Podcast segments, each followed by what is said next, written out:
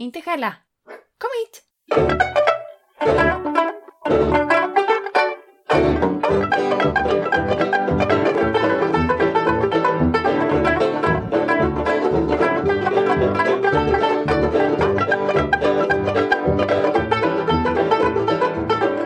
Välkomna till en ny säsong av Designpodden.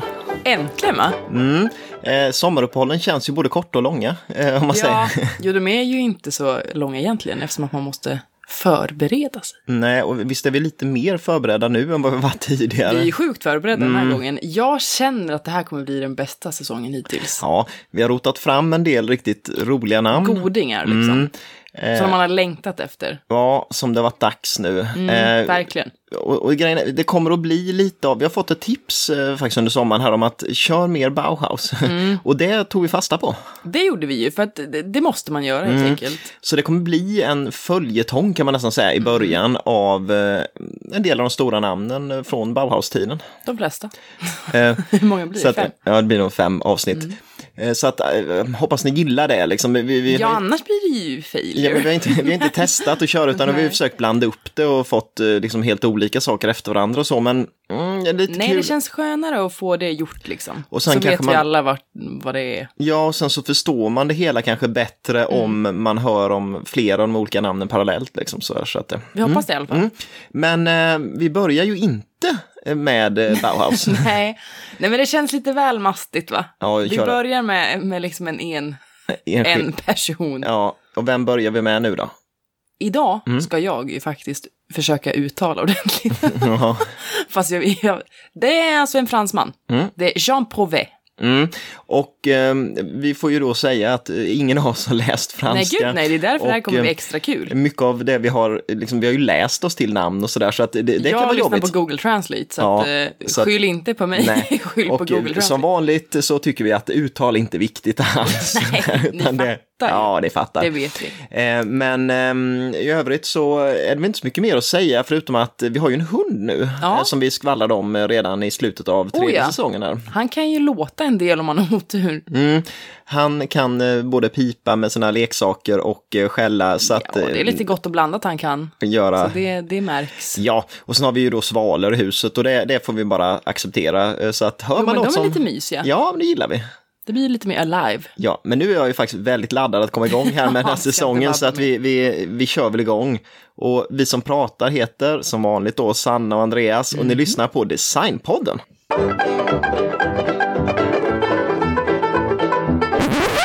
Förresten hörni, innan vi börjar Ja. denna fantastiska säsong så är ju faktiskt dagens avsnitt ett samarbete med Brainchild Original.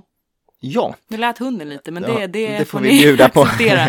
men Brainchild Original det är ett danskt företag Mm. som tillverkar affischer och skulpturer inspirerade av danska designklassiker. Precis, och när vi säger inspirerade så är det ju, eller vi tar kotten som exempel. Mm. Den heter ju då kotten, Ja. för att den ser ut som en kotte. Ja. Och vad är det då på affischen? Jo, då är det en kotte på affischen. Och det, jag vet inte, men det är bara någonting som är Ja, det finns så här, så bra med det. Eh, Precis, de har, de har ju motiv. eh, Ägget, Bamse, Droppen, Kotten, Myran, Svanen och Snödroppen. Snö, snödroppen då är en, en lampa blomma. av, eh, av, eh, ja, av Paul Henningsen. Precis va, så det är ju precis de här sakerna som då är på affischerna, Och det blir- inte själva möbeln Nej, det utan den blir här ju saken. en himla kul effekt Ja, va? det är av att skitcoolt. det är ett ägg eh, med den här klassiska kryssfoten. Liksom. Ja.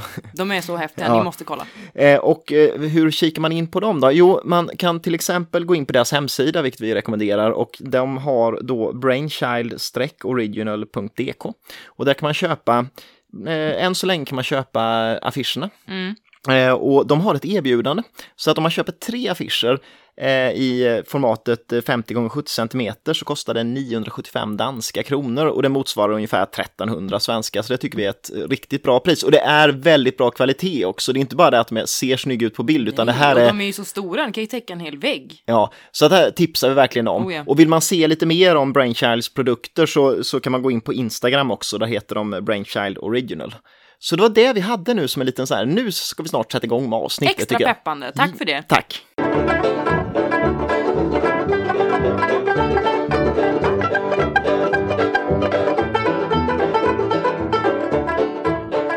Jean Prouvé då, föddes 8 april 1901 i Nancy, Frankrike. Han växte upp i en konstnärlig familj med kopplingar till hantverkstraditionen i staden. Hans pappa Victor var hantverkare och målare, medan hans mamma Marie var pianist. Det är artsy. Jo, men det är ju liksom olika saker men ändå konstnärligt. Så. Exakt va. Nancy var ju då under 1900-talets början ett centrum för stålindustrin och smedhantverket. Och eh, staden var också känd för sin möbel och glastillverkning och de här sakerna ja, såg ju då Prouvé och påverkade säkert av. Ja, absolut. Som vi kommer till lite längre fram. Prouvés gudfar, Emile Gallet, säger mamma. Han är då känd för sina jugend, jugendglas. Vi kanske, kan man göra ett avsnitt om honom? Ja, det tycker jag. Ehm, Finns det info? jag tror, ja, det gör det ju. Och många har ju sett dem där. Det är ju jättefina grejer verkligen. Ja, oh ja, och oh ja. extremt kopierat. Ja, men, eh, och Prouvés gudfar i alla fall. Han startade tillsammans med Prouvés pappa Victor, School of Nancy, som var, eller det, vars, alltså syftet var att återuppliva the fine arts och sprida konsten så att det nådde folk i vardagslivet, att det inte var så liksom, e- elitistiskt så. ja, trevlig tanke ju. Och denna skola, det, det var liksom en grupp art nouveau-skapare av olika slag som gick där, för det var ju, det var ju den stilen som var rådande då. Och det var alla olika material. Och de här inflytandena, de bidrog ju till eh, Prouvés progressiva attityd och hans vilja att göra industriella produkter tillgängliga för alla. Det, är, ja, men det är det här tillgängliga för alla-tänket som återkommer hela tiden. Och det här är ju parallellt med Bauhaus och funkisen så att Oh ja. eh, det är ju lite samma anda. Oh ja. Han blev också inspirerad så att han liksom kom fram till sin viktigaste levnadsregel som var att aldrig offra sin kreativitet på att kopiera andras design utan alltid ja, göra något eget. Och det borde ju fler faktiskt ta efter känns det som då. Eller hur? Men det levde han efter. Prouvé drömde om att utbilda sig till ingenjör, men vi vet ju vad som händer där i krokarna. Va? Det var första världskriget och den ekonomiska situationen var ju inte grym för den här familjen eftersom att de var då, de hade, de hade konstnärliga yrken och det var ju inte något som behövdes när det är krig. Nej. Så det fanns ju inget cash där, tyvärr. Men mellan 1916 och 1919 var Prouvé lärling hos en metallhantverkare i en by utanför Paris. Och sen kom han att vara lärling hos en av de ledande hantverkarna inom metall, metallarbete. Han hette... Det här, det här, det här ska Ja, nu- vi inte... nu. Men han hette alltså Adalbert Adalbert. i förnamn. Ja. Mm. Sabo, tror jag. Men det är inte det ett kul namn? Nej, Adalbert, det Adalbert. skulle man ha en katt som heter. I alla fall, genom den här snubben så kom han att för första gången komma i kontakt med arkitekter. Mm. Det är liksom, mm, där sås det frön. 1924 ger en av farsans vänner ekonomiskt stöd faktiskt till Prouvé så att han kunde öppna en metallverkstad. Det är schysst. Ja, absolut. Och samma år så gifter han sig med en av pappans studenter som heter Madeleine Schott, tror jag. Schott. Ja, hur som. Prouvé började i alla fall med att producera gjutjärnslampor och grindar. Och de var väldigt, eh, där var det tydliga art nouveau-influenser. Mm. Men han kom ganska snart att byta ut de här formerna mot eh, mer moderna. Och de här nya moderna formerna, de behövde nya verktyg och maskiner, för det, ja, det Ja, ska det- vara mycket mer raka grejer här. Jo, exakt. Så 1926 började han experimentera med rostfritt stål och då eh, var han tvungen att investera i en modern svets. Mm. Det är också under den här tiden som han slår igenom som arkitekt. Och eh, det öppnar ju då vägen in till det här franska avantgardet. Det är ofta vi kommer säga det tror jag. Ja, Det är lite töntigt men det, det beskriver ju bra. vad det handlar om. Vad skulle ja, du ja, säga att avantgardet är? Alltså, man, på något sätt vill man ju säga typ eliten men det är inte riktigt sant. Det är ju typ de som var framåt på något sätt. Ja, precis. De som, de som eh, det är ju inte progressiva, ja, progressiva men det är ju Ja. inte folkligt på det sättet heller för att det Nej, är ju nej. ett litet fåtal som driver på det där. Ja, oh ja. Och det var ju då bland annat eh, Le Corbusier. Mm. I slutet av 20-talet så har företaget redan växt så mycket att han faktiskt har 30 medarbetare. Mm. Och 1900, 1931 så har de så mycket arbete att de måste flytta till mycket större lokaler. ja, så det går bra. Det går bra nu, kompis. Mm. Nu är det du. Ja, jag tänkte gå in på egentligen Provés eh, första eh, moderna arkitektuppdrag. Och det var, Mm. Och vad 19, var det? Ja, det var 1927. Och eh, där handlade det om just den envisheten som gjorde att han faktiskt fick ett uppdrag. Mhm. För det var så att han, eh, han trängde sig på arkitekten Robert Mallet Stevens. Han hade inget möte eller någonting utan han bara dök upp och hade med sig sin portfolio och skulle visa det han hade gjort tidigare. Och får en tid, och Prové är ju då 26 år gammal och har ju inte gjort några andra stora grejer innan. Men, eh, men eh, Mallet Stevens han gillar det han ser. Jag tycker det, det här är verkligen jättebra grejer. Han verkar bli förvånad över hur bra den här unga mannen verkligen har, vilka idéer han har. Så att han får ett uppdrag av honom direkt och det är att göra entréporten till Villa Reifenberg. Eh, Reifenberg var tydligen en, en känd pianist som skulle ha en stor flådig privatvilla. Såklart. Och eh, det som händer är att Prové får alltså helt fria tyglar, gör vad du vill och det får kosta vad du vill. Wow. Och det är ju ganska anmärkningsvärt när man är ung. Som och, första. ja. Så att, eh, men det fanns en hake och det var att han hade en månad på sig att göra Mm. klart det här och det är ju inte så lång tid om man vill göra ett riktigt bra jobb då och Nej, visa upp. Men han kastar sig på det här uppdraget och gör då en stor konstruktion då i klarlackat plattjärn. Och det här skiljer sig ju ganska mot, um, om man säger Bauhaus eh, och så som jobbar i uh, så här förkromade material, det ska kännas lätt. Här är det rustikt istället, man ser järnet och sen är det bara klarlackat över. Och eh, finessen med det, för det är en jättestor, det är ju entrén, så att det är ju själva dörren in, men sen så är det hela entréväggen också. Ja. Och den består av det är liksom ribber i, i plattjärn. Och det som är finessen är att ser man den från sidan så ser det ut som en vägg, den ser stängd ut. Medan ser man den rakt framifrån så är det öppet rakt in. Och det blir ju ganska, det, det Cool. blir liksom en rörelse, nästan som de här man hade, du vet de här, eh, eh, man kunde så här titta från olika håll så är det olika bilder. Det är lite den, Och det den låter lite äldre än mig, men jag förstår. Ja, precis, var innan, innan Fast det låter som att det ser ut som ett typ ett fängelse. Ja, men det blir lite den, fast samtidigt... eh, Men är det trevligt? Ja, men det blir, den är riktigt, riktigt rolig den Ja, där. det. Och det här blir ju Provés första liksom, moderna verk och Mm. inkörsporten till, till fler arkitektjobb. Men under den här tiden så, så får också eh, Proves företag ett stort uppdrag och det som han nästan är mest känd för, om man säger så att han förknippas med någonting. Och det är eh, 1931 som det utlyses en tävling om eh, att man ska möblera de nya studentrummen på universitetet i Nancy. Eh, förslaget som Prové kommer med, det består av eh, skrivbord, säng, stol, bokhyllor och en fåtölj.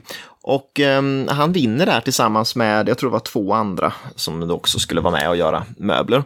Och eh, det skulle göras 60 stycken av varje uppsättning. Oj. Så det är ett stort uppdrag. Oj. Och eh, eh, det man kan nämna här är att det är första gången Prové använder trä som material. För innan har det bara varit stål, men nu är det trä i sitsar till exempel. Och det är ju väldigt lämpligt när man ska börja göra möbler till privatbostäder och sånt, för då vill man inte sitta på en Nej, plåtyta. är Liksom. Nej. Och eh, själva grundmaterialet när det gällde stålet, det var C-formade reglar, det vill säga att man ser dem i profil så är det som ett C. Mm. Eh, och eh, målet var just att med det göra ändå relativt lätta, de är inte massiva då liksom, utan men de är ändå hållbara, lätta och billiga möbler. Och det är ju extremt komiskt när man tänker på lätta och billiga möbler när man idag ser prisbilden på de här grejerna Ja. som dyker upp, men det kommer vi till sen då. Men, Ehm, Ehm, och den viktigaste möbeln hit ska jag säga, det är eh, Cité-fåtöljen. Eh, eh, som då mm, gjordes till varje rum. Och den finns i produktion än idag av Vitra. Och den är extremt låg och sen så har den, liksom själva stommen är gjord i just sådana där C, eh, C-formade stålreglar. Eh, och sen så är tanken att det ska vara så enkelt som möjligt, det ska inte vara massa jobbiga eh, liksom, mekaniska konstruktioner i den, utan det är en loungefåtölj men den är ställbar bland annat med läderremmar i armstöden som sitter med vanliga bältespännen. Liksom. Så att det är så här, gå tillbaks till grunderna och göra det här enkelt. Men sen fick han viss kritik för den här av de som jobbade på universitetet, inte av eleverna då, utan de som, typ personal och vaktmästare och så. Han sa, det går inte att resa sig upp ur den här. och det, han har ju någonting rätt, alltså den var 35 centimeters sitthöjd, men bara 20 centimeter bak på sitsen, så man sitter ju väldigt lågt mot golvet. Ja, Men då svarade Prové det att det spelar ingen roll ifall inte ni kommer upp från dem, den är gjord för unga människor. så att det var lite så här, ja, så att det, den är lite så ungdomlig fåtölj som eh, idag är en klassiker. Jag tänkte nämna lite priser på de här ja, grejerna. Tack, det gillar vi ju. Eh, och som jag nämnde redan innan så den här CT-fåtöljen finns i nyproduktion eh, från Vitra och då kostar den mellan 39 och 48 000 beroende på vilken klädsel det är på den. Mm. Så det är en rätt bra slant ändå. Det är mastigt. Mm, men väldigt fin, så, så det är en rolig, rolig möbel. Jag tycker den är värd. Ah.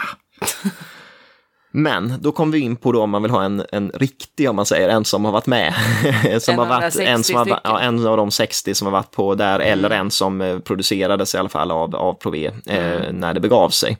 Och då finns det ett par försäljningar, det finns, eh, eller det finns ett antal försäljningar, men jag tar två exempel här och det är eh, 2007 så sålde Christies en eh, för 925 000. Oh. Och 2017 sålde Philips en fåtölj som var eh, Provés egen som har stått i hans hus. Oh, vågar Och den såldes för 3,2 miljoner. Oh. Så att det är ju bra pengar. Men även de här andra möblerna till universitetet har ganska saftig prisbild på auktion. Eh, en vägghylla eh, som är tänkt för de här lite studentlitteraturen liksom man ska ha där. Eh, det såldes en på Philips 2015 för 725 000. Och eh, sen sängen som är ganska rolig ändå, det är som en dagbädd nästan och sen så har den som ett avlastningsbord på varje sida så att man skulle som, kunna ligga i den och plugga. Det är lite sådär Men man och ska ställa. sova i den, eller? Jo, jo, men det är ju tanken det också. lät Men... inte så skönt. Nej, den, det är nog mer mm, fun funktionellt och hållbart. tror Ja, det. Men eh, Philips då återigen sålde en sån säng 2014 för 480 000. Så att det är ju höga priser på de här möblerna. Mhm. Sen tänkte jag komma in på en del andra möbler som också gjordes under 30-talet. Eh, och innan jag gör det så eh, tänkte jag också nämna, ibland dyker det upp fel i eh, designhistorien och i, i Ja, det referenslitteraturen, det är ganska vanligt. Och eh, ett fel som eh, är vanligt just när det gäller Prové, det är en stol som tillskrivs honom hela tiden, där det står att det är han som har gjort den, men det är inte alls han som har gjort den. Och det är en kontorsstol, en snurrstol som eh, gjordes eh, Eh, alltså den, den dök upp i, bland annat, för vi har använt två böcker i, eh, eh, som huvud, och båda Yes. är från Taschen. Och den ena är ganska ny, den andra är ifrån 1991. Och i den här boken från 1991 så, så anges den här kontorsstolen som Aha. Jean Prouvé. Men det där är helt fel. Eh, och den där är istället tillverkad av eh, för NK. Eh, det är eh, firman Odelberg Olsson som eh, har gjort den i Stockholm. Eh, och Orsaken till att, att den har tillskrivits Prové är att den är med tydligen i en uh, arkitekttidskrift från 1947 så finns den med på samma sida som massa Prové-möbler. Men om man läser bildtexten i den här tidskriften så står det mycket riktigt där Odelberg Olsson okej, så och det sådär. Så att det är inget fel där. Men man har nog slarvigt läst det där och sen så har den kommit med som litteratur. Så att om man kollar på Ebay och så så finns det tio stycken ute jämt och så står det att det är... Och Men den då här, måste vi lägga ut bild. Ja, det ska så vi göra. Så att ni Eh, inte köper. jag har faktiskt letat upp problem. eh, en gamla eh, patentpappret på den här, eh, bok, eh, på den här stolen då. Ja. Och, eh, för jag ville leta vem är det som har ritat den egentligen. För att det är svårt att hitta. Men det enda jag hittade där var att det stod att en Karl Ernst Erland Lundqvist står som eh, att det är han som har tagit patent på mekaniken i den. Men det, det finns liksom ingen, ja. Så det är inte Okej. Prové, en jättefin stol men inte Prové. Nej, och då ska ni inte betala Prové-pris. Nej, exakt. Va? Men vi ska gå in på Prové-stolar däremot. Mm. Jag skulle säga den stolen som förknippas mest med Prové. Ska jag säga nästan standardstolen. Det är den jag tror att det är, va? Ja, den, den um, vad ska man säga, om vi ska beskriva den utseendemässigt så är den ju, frambenen är runda stålrör, bakbenen är eh, liksom trianglar, Ja, väldigt, mastiga. väldigt, väldigt mastiga. Ja. Och den här ritades 1934. Och innan dess så hade det kommit ett par, han hade tagit fram ett par eh, liksom föregångare. Eh, och bland annat en stol som ritades åt elverket i Paris. Men 34 kom den i serieproduktion och då, då ehm, ser den ut som, ja, som man tänker sig att den ska, ska se ut. Och ehm, många har jämfört det här med Bauhaus-stolar eftersom det är liksom bara funktion. Och grundtanken med standardstolen är att den del av en stol som bär upp nästan all vikt är bakbenen. Det är så helt enkelt och det är de som går sönder på en stol så därför måste de vara massiva. Och då ville också Prové att det verkligen ska synas, han, han, sa, han beskrev det som att man ska förstå hur materialet tänker men det är liksom så här, vad är det som tar stryk när jag sitter på den? Jo, det är bakbenen och det ser man verkligen när man tittar på en, på en standardstol. Och det finns ju lite olika varianter av den. Det finns både som nedmonterbar, eh, som man kan skruva isär, och det finns en ihopsvetsad variant. Och kritikerna menade ju att nu har du allt tagit i lite rejält här Provema. För att den, den, är, den är ju stadig, men behöver den vara så stadig? Och faktum är att en enda stol kan bära en vikt på 400 kilo, så nästan ett halvt ton. Och det är ju Jävlar. överdrivet, men, men det handlar väl om just det här att han kommer från det här liksom smed-yrket mm, oh ja. Oh ja. och så. Det här ska vara rejält. Och standardstolarna, de finns ju i nyproduktion, Vitra igen som har den licensen. Kostar eh, strax under 7000 kronor styck. Lite. Det är inte, och, nej, det är inte så farligt. Orimligt. Och det finns lite olika utföranden mm. och massa olika färger idag och sånt. Helt okej. Okay. Ja, och de är ganska trevliga faktiskt i nyproduktionen också för en gångs skull. Mm. Mm. Eh, när det gäller gamla stolar eh, så är det betydligt högre priser. Ja, några exempel. Eh, vi har um, en stol som såldes på Philips 2017 för 265 000. Och 2018 eh, såldes fyra stolar på Philips också för 1,4 miljoner. Så att eh, det är, ja, det, det är betydligt, betydligt dyrare. Jag brukar ju alltid säga köp på auktion. Ja, men här känner jag... Nej, i det här fallet, Nja. det här handlar ju om, ja det är ju en annan grej, konstföremål givetvis, men, men det är jättedyrt på auktion.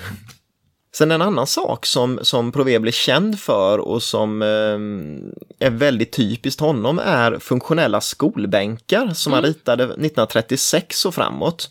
Och eh, tanken var att göra just rationella möbler till skolorna.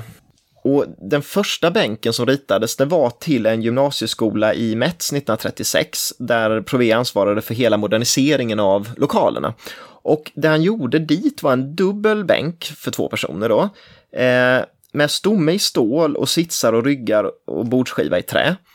Och han ville minska antalet ben så att normalt sett när det var för två elever då hade det varit 16 ben liksom för att det krävs fyra ben ja. för stolen, fyra ben för bänken. Precis. Nu får han ner det till fyra ben för två elever. Oj. Och det är en mar markant skillnad. För stol och? Eh, för stol och bord. Ja. Liksom. Och det sitter ihop då, va? Liksom, det är eh, bänken och eh, de båda sitsarna hålls ihop med en horisontell stålregel. Och det blir en sån här skulptur verkligen och en, eh, ja, en funktionell möbel. Givetvis, jag antar att det är extremt smidigt att städa en lokal där man har det så istället för att det huller om buller står... Eh, ställa upp alla stolar ja, och så på ja. bänkarna. Och, mm. För det kommer ihåg när man avslutade veckan i skolan. Ställa, så, upp, ställa stolen. upp stolen. Det behöver man inte göra om Prové har ritat inredningen. Gött.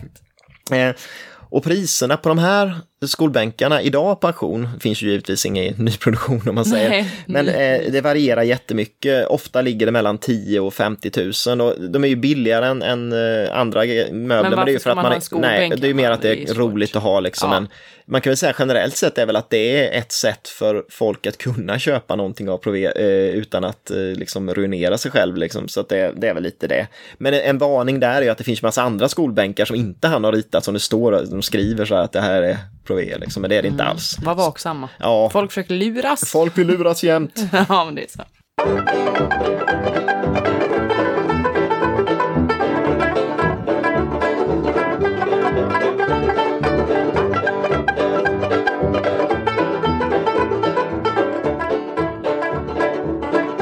försöker ju dela upp hans liv ganska bra tidsmässigt, mm. att dina prylar kommer in liksom exakt. Men ja, det här blir lite... Det blir lite hopp tillbaka mm. i tiden, men mm. inte speciellt mycket. Nej. Men 1930 då är Prové med och startar tillsammans med Le Corbusier och uh, Charlotte Perriand, mm. som det heter.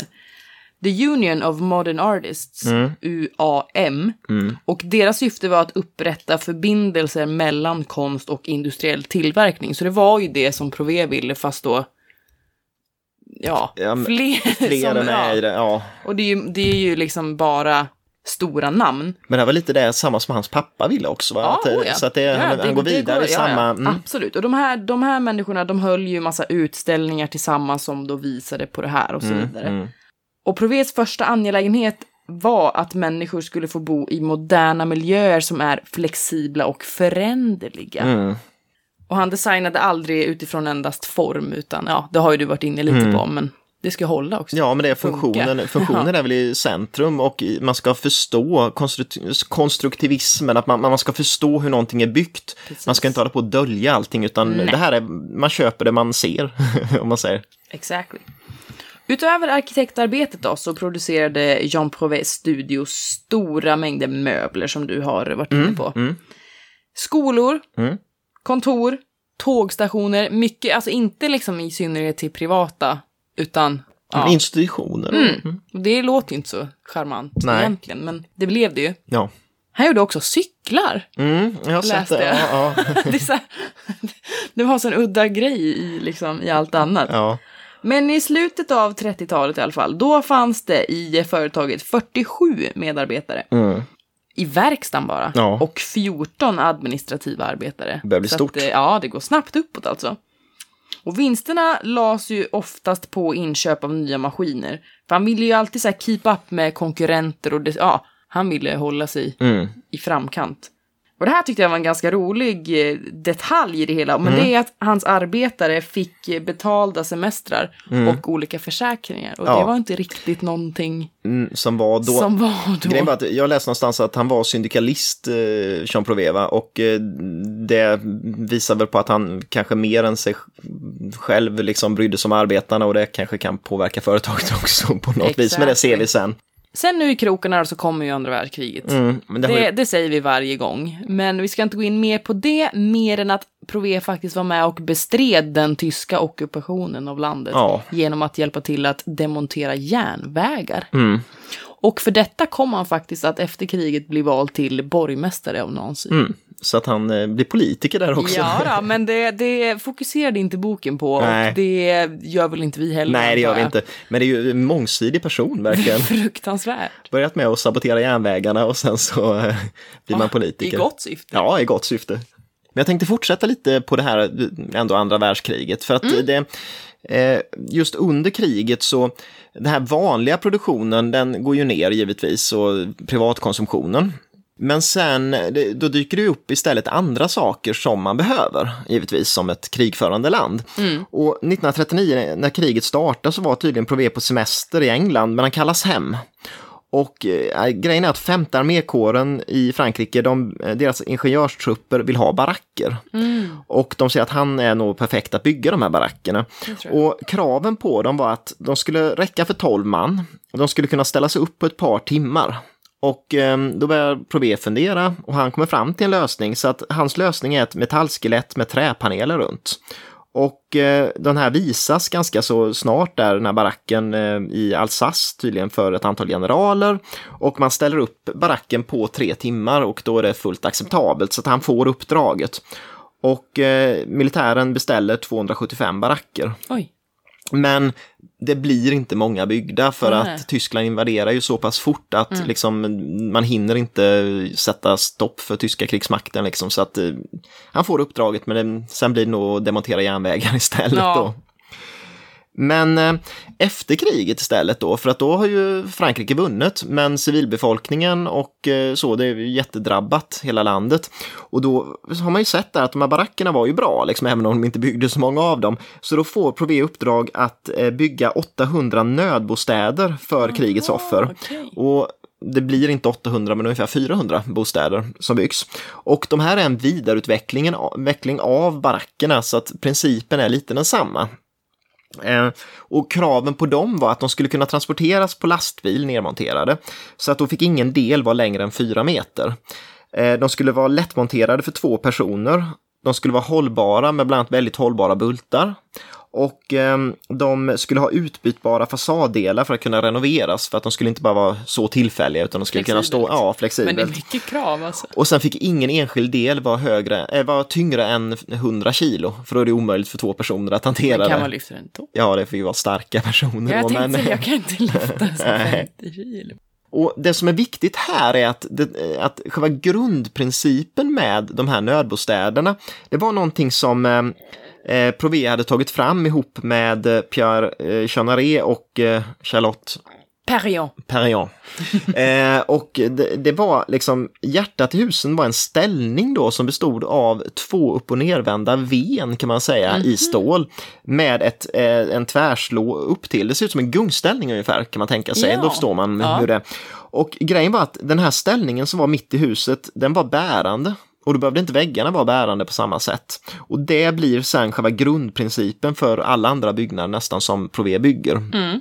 Och eh, Sen var väggarna träpaneler och eh, det var en flexibel konstruktion med, liksom, där olika liksom, paneler hade olika funktioner. Det kunde vara en dörrpanel liksom, eller en fönsterpanel och sen kunde man bygga det som ett lego nästan. Och det är ju smart när man ska bygga just de här nödbostäderna och billigt, snabbt. Eh, snabbt kul ut. med lego. Ja, kul med lego.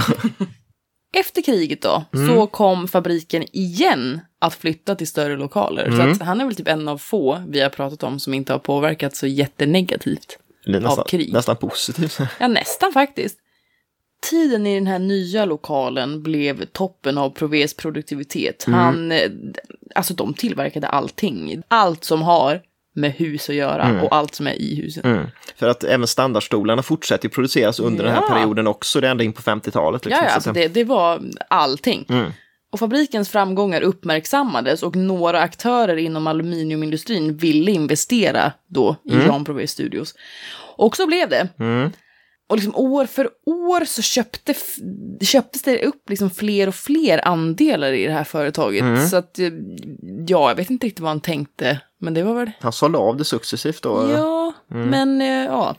Det får ju då konsekvenser, för han tappar ju helt kontrollen över företaget. Mm. Och 1950 så stängdes den här dåvarande fabriken ner och flyttades till Paris. Mm. Och 1952 då blev han nekad tillträde till eh, verkstäderna. Okej, han tyckte han var jobbig, nu måste man bli av med honom. Ja, antar det. Ja. Och eh, året efter så avlägsnar han sig helt från företaget, ja, frivilligt med citationstecken, för det var det ju inte. Nej. Men nej, man, nej, det gick inte mer. Nej. Det hade, att... ja, han lät det bli sålt liksom. Ja. Det här innebar ju då att eh, han förlorade inte bara sitt arbete men också så här, sin personal och upphovsrätten på en stor del av sina Ja, och det är ju ingen höjdare. Nej, han lyckas behålla rätten att använda över 30 stycken, för det var inlämnade patent som man mm. hade på olika eh, ja, uppfinningar, bland annat flyttbara skärmväggar och tak. Det var mm. mycket sånt som kunde flyttas och tas ner och Flexibelt, upp. Och, ja. Ja, som man gillade. Mm. Men ja, tänk vilket jävla nederlag. Det stod typ att eh, något citat han hade sagt att han dog då. Ja. Inte, Inte fysiskt nej, men, men ja. mentalt. Ja. Men 1956, då är han på G igen. Mm. Och han öppnar tillsammans med sin vän Michel Bataille, Bataille, skitsamma. Jag mm. sa att jag skulle försöka men jag kan, jag kan inte. Nej. Men Constructions, Jan Prové, mm. heter den istället. Just det. Och eh, kontoret låg i Paris. Så Prevés arbete utgick alltid därifrån. Han var tvungen att pendla väldigt mycket, mm. för han hade ju en familj i Nancy. Ja. De här böckerna från Taschen fokuserar ju inte alls på Familjen privatlivet, men det står alltid lite grann om det. Och eh, vid den här tiden så hade han i alla fall fått fyra barn, tre döttrar och en son. Mm. Och det, finns, det fanns en jätterolig anekdot i boken och det, det kretsar kring att han reste så himla mycket då däremellan. Ja. För jag vet inte hur lång tid det är. Nej men det är ju en bit ändå. Det faktiskt. är ju en bit. Ja. Och tydligen så hade han så stora behov av sällskap mm. att han alltid plockade upp liftare om det stod någon och ville lifta. Bara för att få prata med någon. Mm, och eh, var det någon gång liksom kväll eller nattetid, då frågade han alltid om de ville övernatta hemma hos honom. Okay. tog han upp dem, för det står att han hade en sån här sportbil också som han plockade upp dem i. så, så familjen har tydligen hittat väldigt ofta helt random strangers i vardagsrummet. Som låg och sov där. Ja. Han ville inte hålla på och resa däremellan helt själv. Nej, det var trist och inga bra radio ja. sådär. Nej, på precis. Den så det, han tog upp alla som behövde. Mm. Hans arbete i det här nya företaget som han hade startat, det bestod endast av att designa, och vilket mm. ju snabbt ledde till att han längtade till att vara lite mer praktisk. Jo, det är klart. Och det skedde redan 57, för då kom det ett annat företag. Jag har inte skrivit namn och så, för Nej. man vet inte vad det är i alla fall. Nej. Och de ville ta över. Mm. Och då kan man tycka att han borde vara lite rädd för det. Ja, men... men det var han inte, för han, eh, han lät det ske. Men det här företaget då, de låter Prové bli chef för själva avdelningen för... Och lite skillnad mot att låsa dörren och inte låta ja, dem gå in men där. ändå risky business. Ja, absolut. Men det är så han jobbar. Mm. 1966 då startar han ännu ett liksom, företag, eller Mm. kontor, som hjälper arkitekter och eh, firmor att förverkliga sina projekt. Mm. Men det är säkert ganska svårt egentligen. Ja, absolut. Det är lätt att ha idéer, men det är svårt Mhm. att make it happen. Och det leder också till många givande samarbeten av olika slag. 71 så blir Prové väldigt erkänd för att han, eh, han får bli ordförande i kommittén som skulle bestämma vinnaren av tävlingen att utforma ett nytt modernt konstmuseum i Paris. Mm. Så det är ju ganska köttigt. Ja, absolut. Tävlingen kom att eh, polarisera hela arkitekturvärlden för att alltså vinnaren var inte fransk Nej. och Prové är inte ens nästan utbildad. Nej. Så det var väldigt så här, ja men det var känsligt. Men eh, resultatet blir i alla fall väldigt uppskattat. Och det är nästan värt att googla för det såg väldigt coolt ut mitt i, för att Paris är ju liksom så klassiskt annars. Och så kom det här huset och bara, bam, in your face. Och sen har jag bara lite slutet av livet, ska jag bara dra den? Och Ja, så gör det, så, för jag har till- lite möbler sen, men eh, ta... Precis, och det var egentligen bara att under 70 och 80-talen så han fick väldigt mycket utmärkelser och, pri, och liksom priser för sina bedrifter. Han blev ja, men väldigt erkänd liksom. Mm. Dock fanns det ju ändå en stor del eh, människor som eh, hade väldigt svårt att förstå vad han gjorde och Mm. hans projekt och man, ja, de var skeptiska. Så Mm. han, han mötte ju alltid genom livet väldigt mycket motstånd också. Det var inte bara Dans smooth rosor, liksom. sailing inte. Men ändå kom han då att bli en av eh, 1900-talets främste liksom självlärda arkitekter. Ja, för han har alltså inte pluggat någonting. Nej. Det är ganska coolt. Ja. Sen känns det deppigt sen när han dog, då när intervju är klar. Men han eh, dör i alla fall den 23 mars 1984 i sin hemstad Nancy. Ja.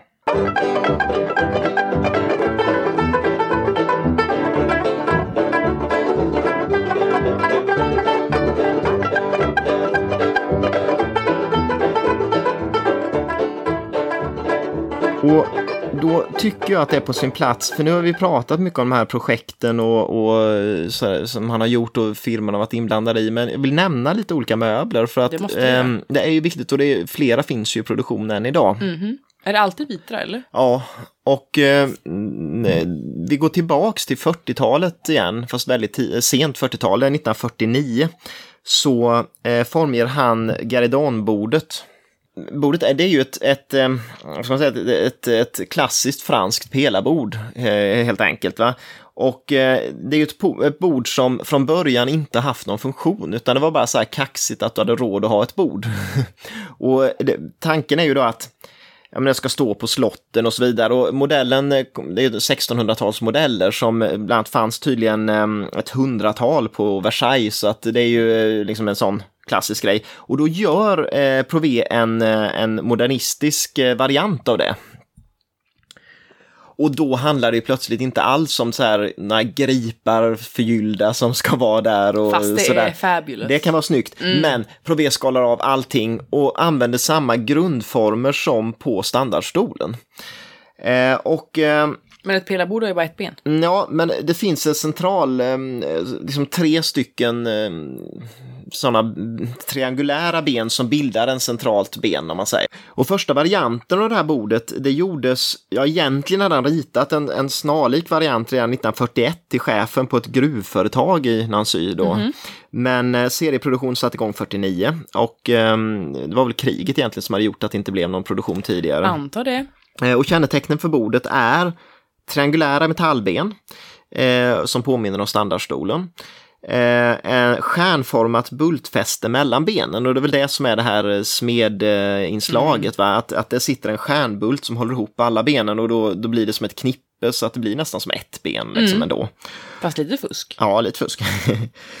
Ehm, och återigen, liksom vanligt för den här tiden, för Bauhausmöblerna var förkromat stål, men det, det använde inte Prové, utan han lackade istället. Mer rustikt, mer det här, det, det ser nästan ut som något som man har hämtat ur en verkstad. Och det, Det gillar det, Ja, det gillade han liksom.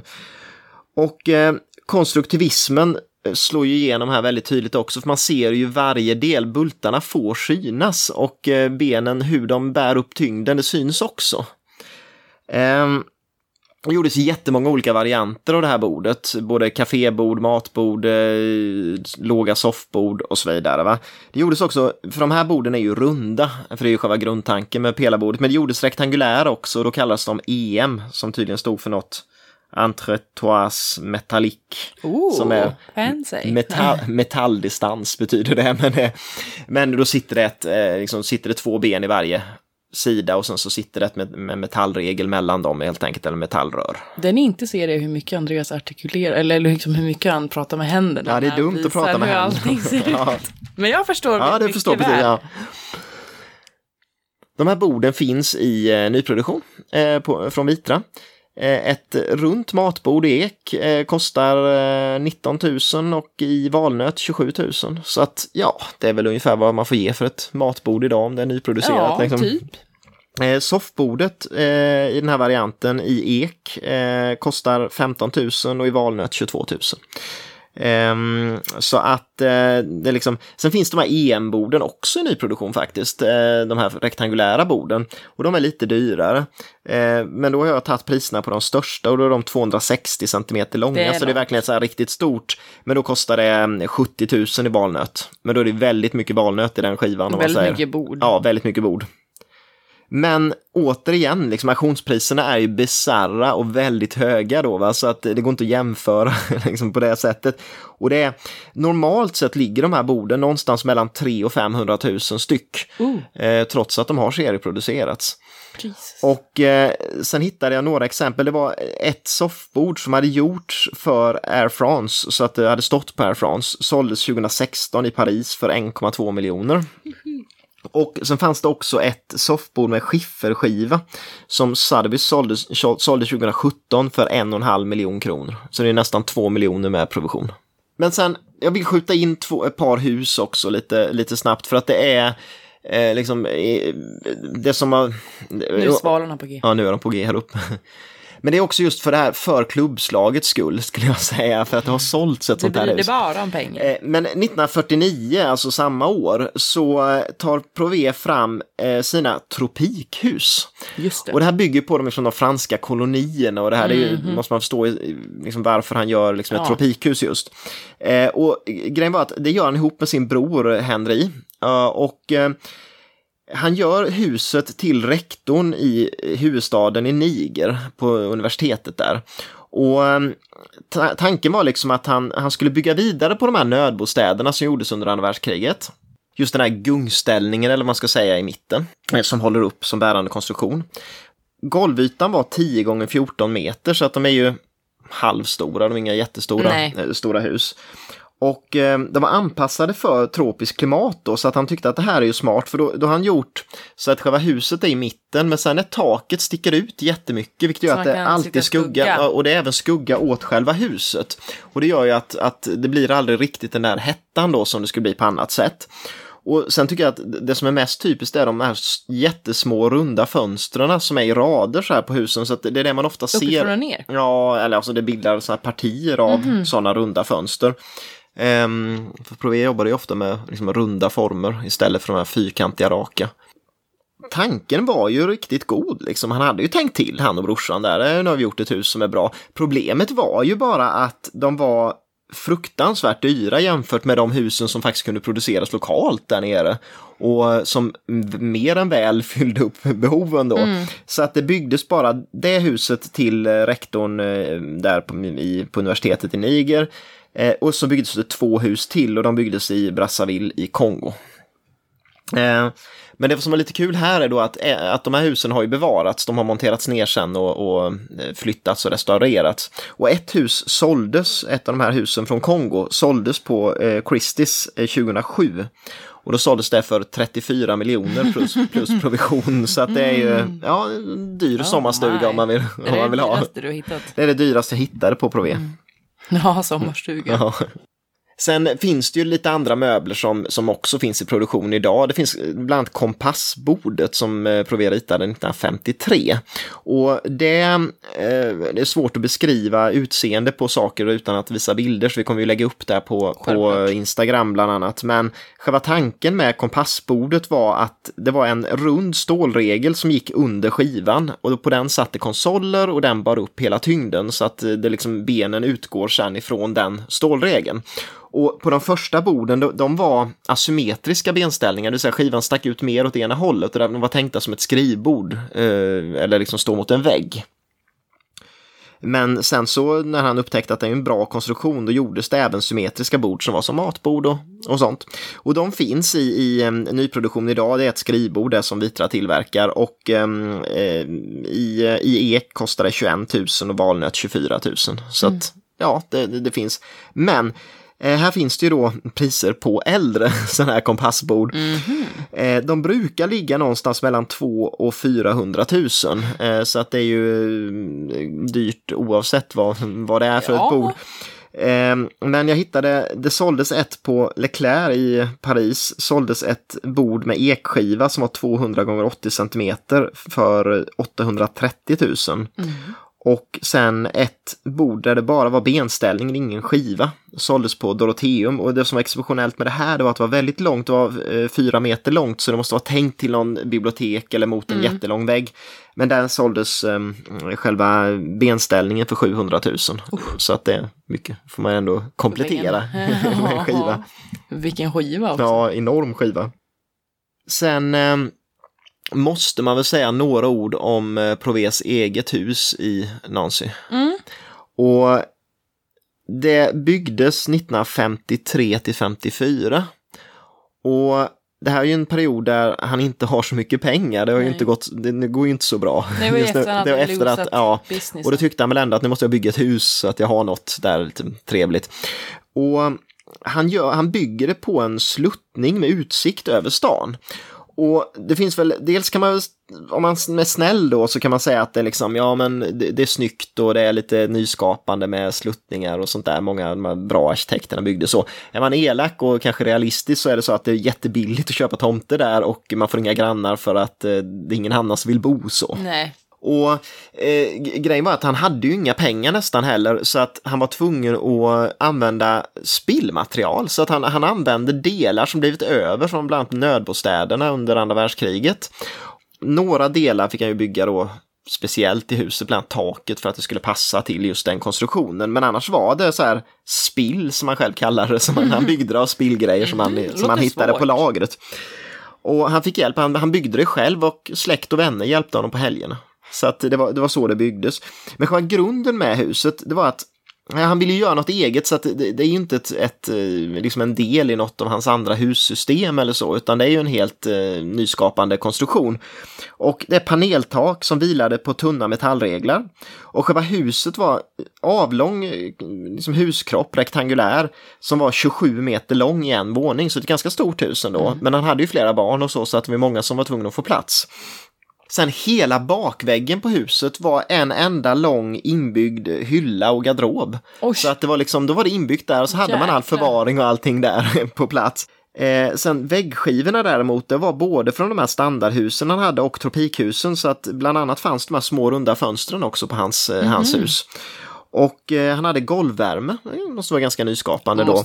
Eh, och sen stora glaspartier för att ta tillvara på värmen när den slog liksom från solen eh, mot där så att uppvärmningen var ja, miljövänlig dessutom då. Skitbra. Eh, och det som är typiskt också, och det är ju de rundade innerdörrarna. Liksom alla dörrar såg nästan ut som så här skeppsdörrar. Och det skulle man ju kunna tro är en design grej då va, men det är det inte utan det är helt enkelt mycket billigare och enklare att tillverka avrundade hörn på dörrar än att man ska svetsa ihop. För han hade ju maskiner som kunde bocka till det där i ett stycke och då gick det jättefort så att det är en rationell grej snarare mm. än en utseende uh, grej det med. Sen, det man ska tänka han, han tyckte ju det här med att umgås var väldigt, det var väldigt, man vill sitta och snacka och så. Så därför blev det ett jättestort vardagsrum med öppen planlösning. Eh, och sen alla andra rum blev ju lidande av det där också, så att barnrummen var på ungefär två gånger tre meter, så liksom små celler nästan. Men han tyckte inte det behövdes för att de ska inte sitta där inne, utan de ska vara ute vid oss. Och sen så, ska, så att det, det, det präglade ju hela, hela huset, att onödiga utrymmen skulle inte vara, utan det skulle vara precis så stort det behövdes och sen kunde man fläska till när det gällde allrummet då. Och sen vill jag avsluta med en stol också som gjordes ganska sent, eh, också in på 50-talet. Det är Antony-stolen. Och den är kanske en favorit när det, för min del när det gäller Proves-grejer. Eh, man vet inte exakt när han ritade den, för det finns inte bevarat några ritningar, så att då får man spekulera, men någonstans kring 1950 tror man att han har börjat skissa på den i alla fall. Det man vet är att den finns med i en tävling 1954 till möblerna i universitetet i Antony, som Provena är i eh, den tävlingen då. Och eh, Antony är en förort i Paris då kan man nämna. Mm. så, ja. Eh, och grundprincipen med det här, det, det, följer kompassborden ganska väl för att det är också så att all vikt eh, hålls upp av en rund eh, regel som är horisontell, som benen sitter asymmetriskt utifrån. Och sen så känns det som att sitsen som är formpressad i trä svävar nästan över den här, så att det är en väldigt lätt stol snarare än de här tunga andra möblerna som, som Provea har gjort. Och Ja, man måste kika på en bild på den för det går inte att beskriva ja, nej, den riktigt, men den är extremt, eh, extremt rolig eh, möbel. Um, finns i nyproduktion, eller ja, den finns nog inte längre för grejen är att jag, det har sålts så här på auktion eh, stolar från Vitra, men det går inte att hitta den någonstans så förmodligen har man tagit ur den ur produktion. Mm -hmm. Så jag vet inte vad den kostar. Vitra har den däremot som miniatyr i, i skala 1 till 6 och då kostar den 2800 så det, det är ju inte jättebilligt för en liten leksaks. Nej, men på auktion dyker de här Vitra-stolarna upp ibland och då brukar de kosta mellan 15 och 20 000. Så mm. att ehm, det, ja, det, det, är väl ett sätt att kunna få tag i en i alla fall. För vill man få tag i en gammal så är det andra priser. Och eh, i USA 2011 såldes en stol för 300 eh, 000 och eh, i Frankrike 2016 såldes ett par för 600 000 så att det är väl ungefär 300 000 styck de brukar kunna gå på. Ungefär. Det är ju inte lagom. Det är inte lagom. Men med det så, jag tycker att det är ungefär de, de föremålen jag tycker vi nämner nu och sen så vill man veta mer som jag tycker man vill veta för att det, det är verkligen så, nog. då tycker man googla runt och vi kommer att lägga upp massa bilder mm. på sådana favoritmöbler och så oh ja. Prové. Sista anekdoten. Ja. Vi kollar ju upp några eh, kända namn som samlar på Prové. Mm. Och det var ju då bland annat Brad Pitt och Mark Jacobs. Ja, så, att, så han är eh, poppis. Han är poppis och eh, jag vet inte vad man ska tycka om, alltså jag blir alltid lite så här dubbelsidig när det är de här formgivarna som som kostar extrema pengar och det blir, det blir ju någon, någon form av grej att, att det ska vara dyrt. Det är ju inte det här att, att det liksom, utan det är ett egenvärde, alltså att, att det är jättedyrt mm. är det som ja. är grejen. Och så blir det så hemskt eftersom att det var absolut inte det han ville. Nej, han, han ville göra billiga, funktionella, starka möbler åt folket. Han var liksom syndikalist som brydde sig om de som jobbar i fabriken liksom mm. och så. Mm. Och, och, nu är det typ de som är allra rikast i Hollywood ja, som har råd ja. att köpa något. Ja, liksom. det blir fel. Det blir det. Så det är, det är lite så här skumt, men jag gillar Prové just för att han, han um, ja men det är något lite tjusning i det där att det inte är gjort för att det ska vara snyggt. Mm. Jag gillar hela den tanken liksom, utan det, det, här ska vara en stol och den ska mm. hålla. Ja. Ja, nej men där har vi en, um, har vi startat helt enkelt säsong tre av Designpodden. Hoppas att ni gillade första avsnittet, eh, för nu kommer vi att ge oss in på eh, Bauhaus. Som ja, sagt. det det. Eh, och um, vi kommer inte säga nu vem vi börjar med, men det kommer ni få se alldeles strax. Mm. Men om man vill oss någonting, för vi har verkligen haft nytta av alla som har ja, men, kommit med oh, tips ja. och idéer och, och, sånt, så att vi har mer, snappat mer, upp många faktiskt förslag och så som vi har gjort avsnitt av nu, eller vi kommer göra. Och um, vill man oss något eh, sånt eller har några idéer, vart mejlar man då? Till designpodden gmail.com. Och sen som vi har sagt, följ oss på Instagram ja. för att det är vi, vi, måste ju komplettera med bilder och så så att folk får se hur ja, de här fantastiska möblerna ser ut och så. Annars. Nej. Ni måste följa. Följ oss där. Och annars så ja, hoppas vi hörs igen nästa vecka. Yeah. Hej då. Hej då.